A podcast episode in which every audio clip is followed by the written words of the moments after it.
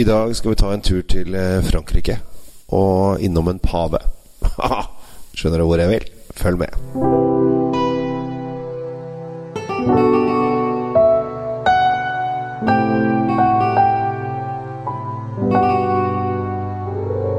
Hei og hjertelig velkommen til eh, dagens episode av Kjells eh, vinkjeller. Håper at eh, stemningen er på topp.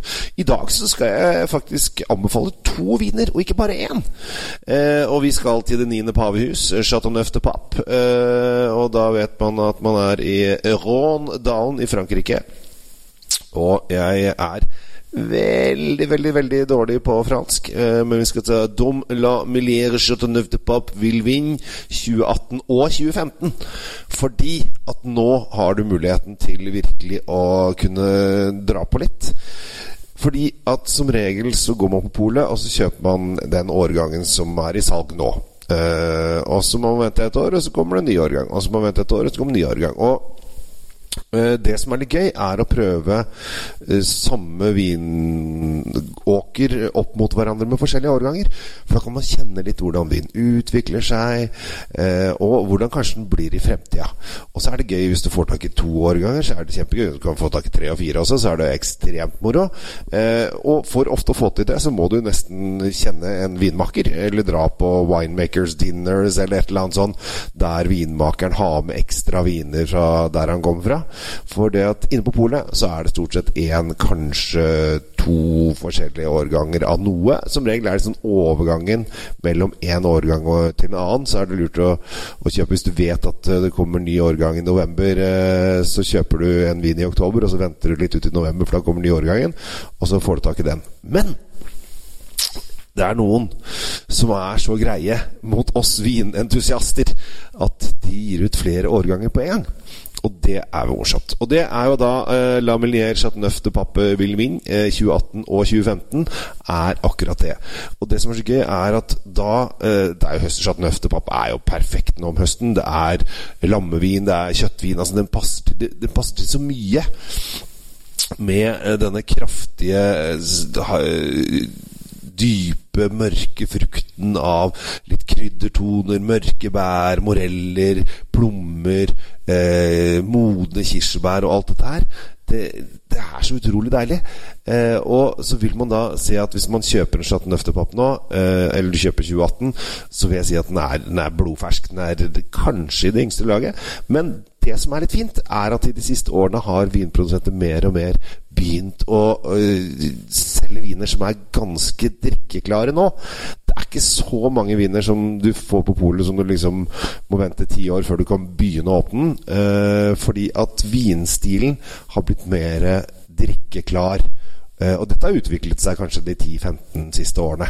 Uh, også i Chateau Neuf uh, gjør de at vinen er mer moden og drikkeklar allerede nå. og her er det da mulighet til da å prøve en vin som er tre år eldre. Og da er spørsmålet kjenner du forskjell. Eh, og det eh, vil du jo gjøre. Eh, og nå skal ikke jeg fortelle deg hva som er forskjellen, for jeg vil gjerne at du skal eh, oppleve dette her eh, selv. Eh, ved å gå på polet og kjøpe akkurat disse to vinene. For da vil du se om du syns at 2015, som var et ganske ålreit år Det var ikke helt 2016, men 2015 var en bra årgang.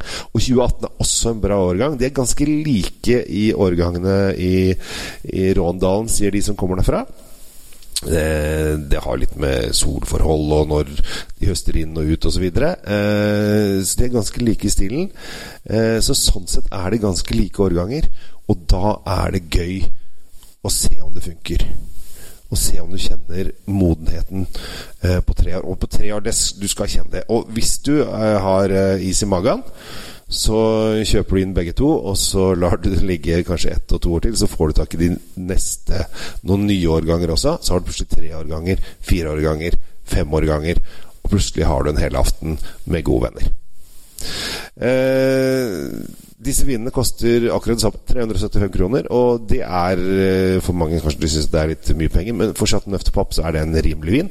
Eh, Chateau Neuf er ofte litt, eh, litt pavelig, eh, så det er ofte litt eh, dyrt. Men dagens anbefaling er da To forskjellige årganger av samme vin. 2018-2015 av Millier Chateauneuf La Millier Chateauneuf de Pape Villevin eh, Domaine.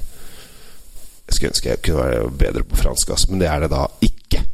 Og det er blandingsdruer her. Det er litt Syra, Cinsault, morveder og Grenache. Hovedrøren er eh, Grenache. Det er det eh, stort sett alltid i Chateauneuf de Og så har de en del eh, druer som de blander inn eh, ellers.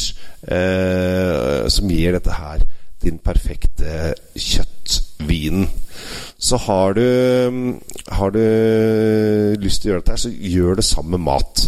Eh, lag et, eh, noen skikkelig biffer, eh, gjerne med bearnés og ordentlig the French way. Eh, det er to flasker, så du greier å være to personer. Så kan dere dele det og ha det gøy. Eller du kommer med fire, eh, eller eventuelt seks hvis du er eh, gavmild. Og så prøver dere frem, og så kjenner dere på forskjellen, og kjenner hvordan vin modner seg. Når du kjenner at friskheten som er i starten, det vil jeg merke, altså friskheten, hvordan den utvikler seg. For det er det du skal finne ut av. Utviklingen på 2015 foran til 2018. Så jeg gir dere hjemmelekser i dag.